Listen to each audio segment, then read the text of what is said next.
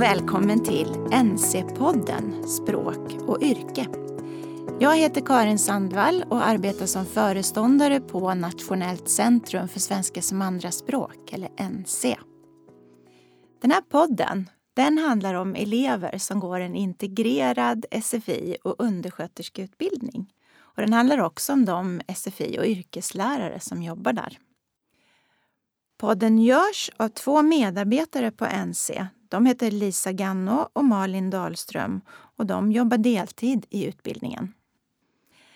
Podden den handlar om NCs arbete att testa ett arbetssätt eller en modell som vi har jobbat med och utvecklat under en tid.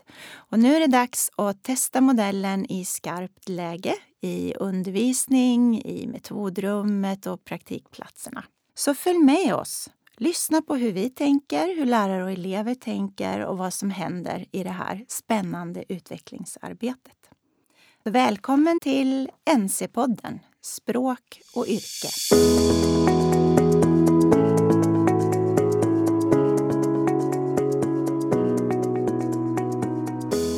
Jag heter Ann-Kristin Lindberg. Och jag heter Sara Källström. Lisa Ganno. Och jag heter Malin Dahlström. Ann-Kristin och Sara, skulle ni kunna så här långt komna i er utvecklingsprocess kunna lista några framgångsfaktorer? Vad är det som krävs för att den här integreringen av yrkesutbildning och andraspråksundervisning ska, ska, ska fungera för eleverna? Jag, jag tror att eh, de ska känna att vi lärare inte lämnar dem åt att förstå det som har tagits upp i klassrummet till sig själv. Utan när de går ut från klassrummet, då ska de känna att vi eh, har i alla fall börjat eh, ge dem någonting som de litar på, att det här kommer att gå. Så när de kommer nästa dag så eh, är de inte längre lika rädda utan de, de tänker att eh, nu kommer vi att lära oss någonting nytt. Nu mm. kommer vi att bygga på någonting som vi har fått igår. Så konkret, vad kan det handla om? Finns det grejer ni undviker att göra nu eh, för att eleverna inte eh, klarar av att processa det? Ja, men vi ger dem inte en text som de ska läsa till dagen efter. Eh, vi börjar inte med det i alla fall. Eh, vi kan ge dem en lättare text där de ska leta svåra ord. Att det ska vara uppgiften till dagen efter. Men eh, vi släpper inte dem med den texten och förutsätter att de ska ja, nu har de liksom läst om det och nu kan de... Mm. Check på den, nej, vidare. nej, inte. Inga check på den. Nej. Inga check nej. på den. För det, kom, det, fungerar inte i ett cykliskt lärande. Man kan inte ha check på den. Nej. För det måste hela tiden komma tillbaka. Um, men jag tänker också det här att man alltid är öppen för frågor och att man är öppen för elevers svar. Att man inte tänker nej det är fel, utan man tänker att Nej, du tänker på det här som kan kopplas till det här som också har med lungorna att göra. Mm. Eh, men det är inte riktigt rätt. Man visar någonstans att personen i fråga har haft ett, ett, ett tänk som ja. någonstans går åt rätt håll och försöker producera någonting. Mm. Och som du är intresserad av. Absolut. Ja. Eh, och, och också en annan sak som också är viktig, det är att om man inte förstår vad eleven säger så får man aldrig ge upp. Man måste försöka fortsätta tills man har förstått vad frågan handlar om eller vad svaret handlar om. Mm. Eh, för att annars kan man ju aldrig ge feedback på det som eleven har, har sagt. Och då kommer man ju inte vidare Nej. om man inte förstår var Nej. eleven befinner sig. Samma sak om de skriver någonting och man förstår inte vad det står här. V vad menar du med det här svaret? Mm. Jag förstår inte vad du har skrivit. Eh, det kan ju vara någonting jättebra fast jag förstår inte vad det står. Mm. Är det, det, för det, det uppfattar jag att det, du också pratat om, Ann-Kristin, det här med tillit. Att eleverna måste ha tillit till att vi, vi hjälper dem med det som de tycker är svårt. Ja, det, det var väl det jag menade lite ja. här. Men sen också andra framgångsfaktorer. Det kan väl vara att vi arbetar väldigt tätt tillsammans. Ja, det är viktigt. Det är jätteviktigt. Nu har du ju dubbelkompetens, men eh, som både SFI eh, utbildad och vårdlärare Eh, men vi jobbar ju väldigt vi. Vi jobbar, planerar ja. väldigt eh, och, och du går en utbildning där du håller på att lära dig mer om språk. Så att vi, vi, jag tror vi kompletterar varandra väldigt väl. Plus att vi är väldigt tydliga med varandra och försöker eh, hålla reda på vart är vi på väg? Varför gör vi det här? Hur kommer vi till nästa steg? Vad vill vi sen? Ehm, På vilket sätt är samarbetet tätt? Är det liksom, ni har avstämningar? Eller? Vi har avstämningar hela tiden. Vi har avstämningar till och med under pågående lektion. Mm. Vi, kan, vi kan ropa stopp om vi är båda två i klassrummet. Och så kan vi planera om eller förtydliga eller eh, ja, när vi märker att, att det här som vi hade planerat inte fungerar. Då bryter vi och så gör vi någonting annat. Vi hade tänkt att de skulle sitta i grupper men vi mär- märker att det här fungerar inte. De har inte förstått uppgiften, vi måste göra på ett annat sätt. Mm. Och då gör vi det. Så vi är inne i klassrummet båda två väldigt mycket. Mm. Eh, inte till 100 procent, men eh, näst intill. Och vi har också två eftermiddagar i veckan som vi, där vi planerar. Nu har det inte gått att ha det, men vi har avsatt, eh, vi försöker ha avsatt tid där vi, där vi sitter och planerar tillsammans. Och, Är och, det, tänker ni att är det så det måste vara eller är det nu när ni håller på att utveckla och utvecklas ihop? Eller tänker ni, ja, i vilken, hur, hur stor utsträckning måste man vara dubbelbemannade? det är en kostnadsfråga. Det är inte alltid man kan ha två lärare så här på det här sättet. Det beror lite på vilket perspektiv man har i kommunen. Ja, alltså, för att det är ju också en investering. Det är en investering och jag tror att om man vill ha lyckade resultat så ska det finnas tid i projektet för Mm. dubbelbemanning under en ganska stor del av utbildningen. Därför att man tillför så olika saker. Eh, en språklärare kan ju bryta in i en, genomgående, i en, i en genomgång eh, och lösa upp den där knuten där eleverna inte förstod. Och sen kan, kan den andra läraren fortsätta. Eh, en språklärare kan ta enstaka elever eller enstaka grupper åt sidan och få dem att förstå en uppgift medan vårdläraren går runt och kanske tittar på de andra delarna som Mm. eleverna inte förstod. Så att man vinner väldigt mycket på att ha en språklärare och en eh, vårdlärare i klassrummet samtidigt.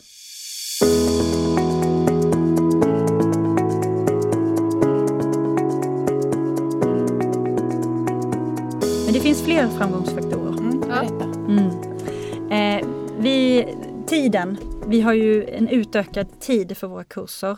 När du planerade Ann-Kristin så såg du till att det fick bli betygssättning i slutet av andra terminen för fem kurser. Och det ger ju oss en helt annan möjlighet att integrera och ge eleverna tid att utvecklas. Eh, sen har vi lokaler. Vi har samma klassrum. Vi har möjlighet att använda väggarna till elevernas material. Och eh, gruppen är stängd. Det är ett intag och sen följer man gruppen genom hela utbildningen. Mm. Eh, Man får en helt annan inblick i deras utveckling och vad de behöver hjälp med än om man skulle haft en ny grupp och en ny kurs. Och då hade också integrationsmomentet eh, försvunnit. Mm. Eh, vi har samma lärare. Det är du och jag. Vi har inte några andra lärare som går in och ut ur gruppen.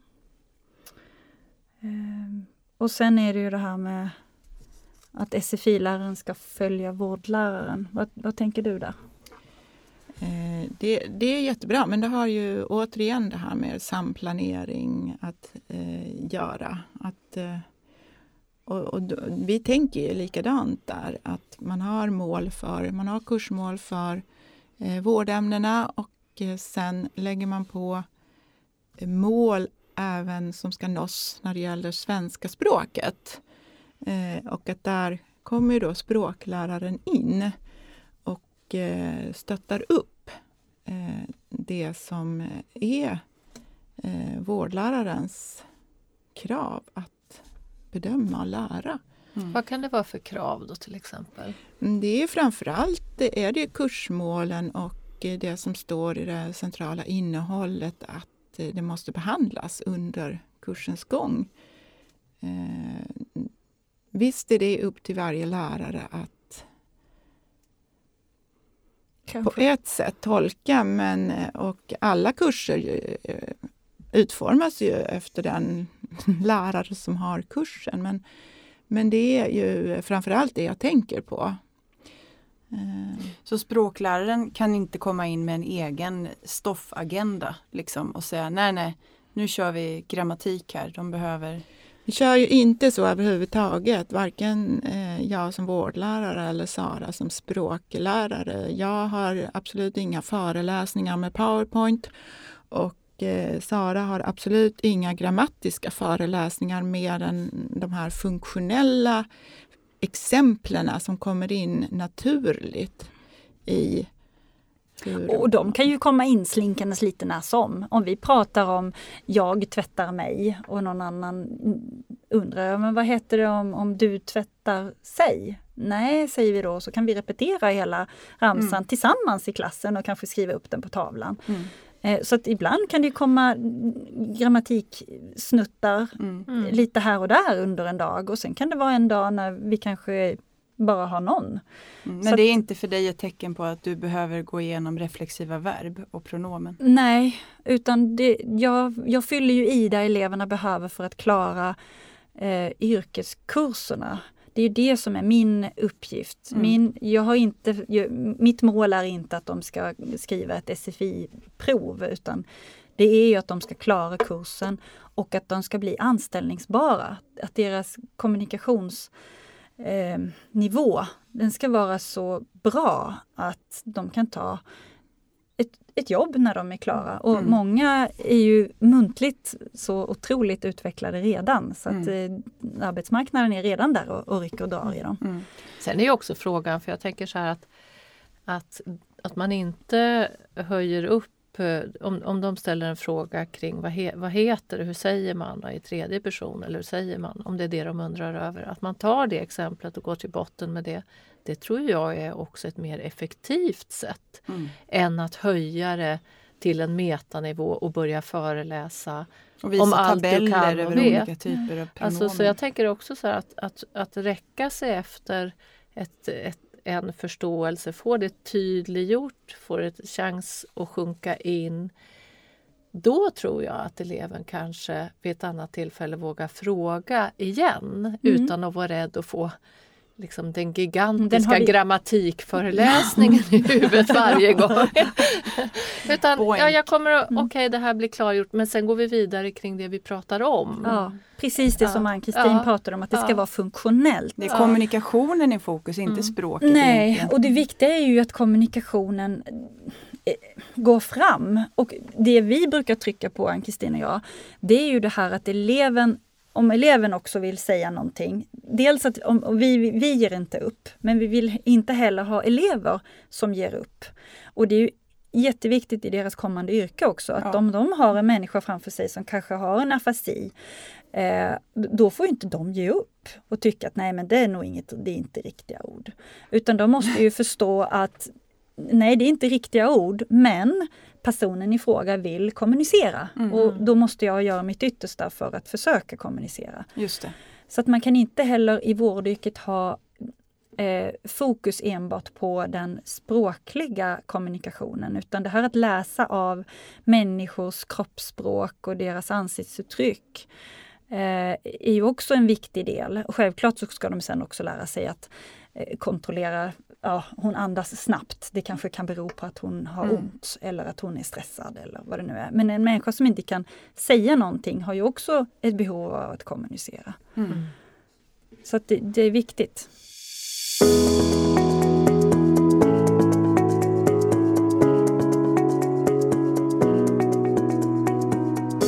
Du pratar om en utmaning.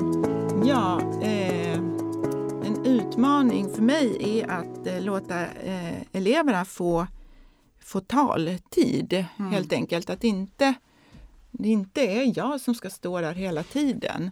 Eh, och det heter ju också att vi ska att lärarna ska organisera lärande. Det är inte vi som ska stå där och lära ut och prata utan ge eleverna chansen att också komma till tals i klassrummet. Och inte, det är ju, just i det här sammanhanget så är det ju väldigt bra att de får prata mer. Mm. Mm.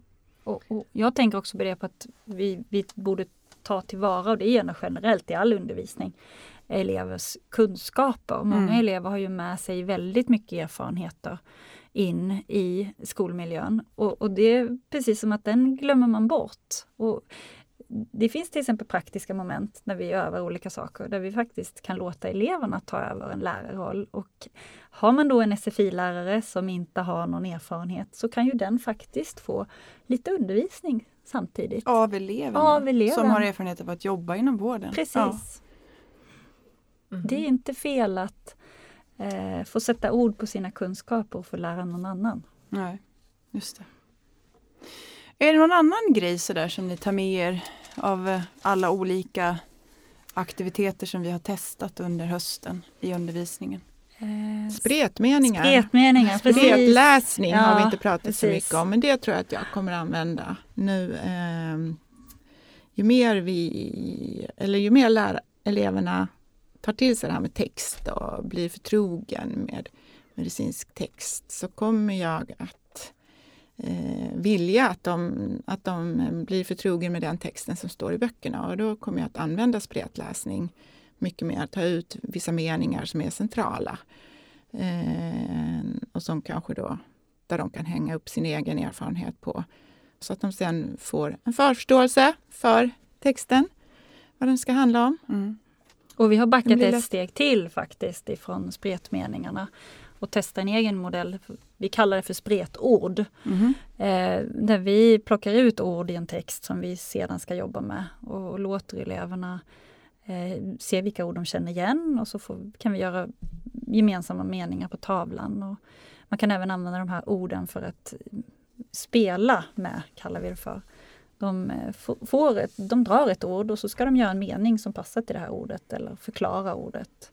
Är det lite som så här magnet, kylskåpsmagneter? Ja, precis så Ja. är det. Ja. Precis så är det.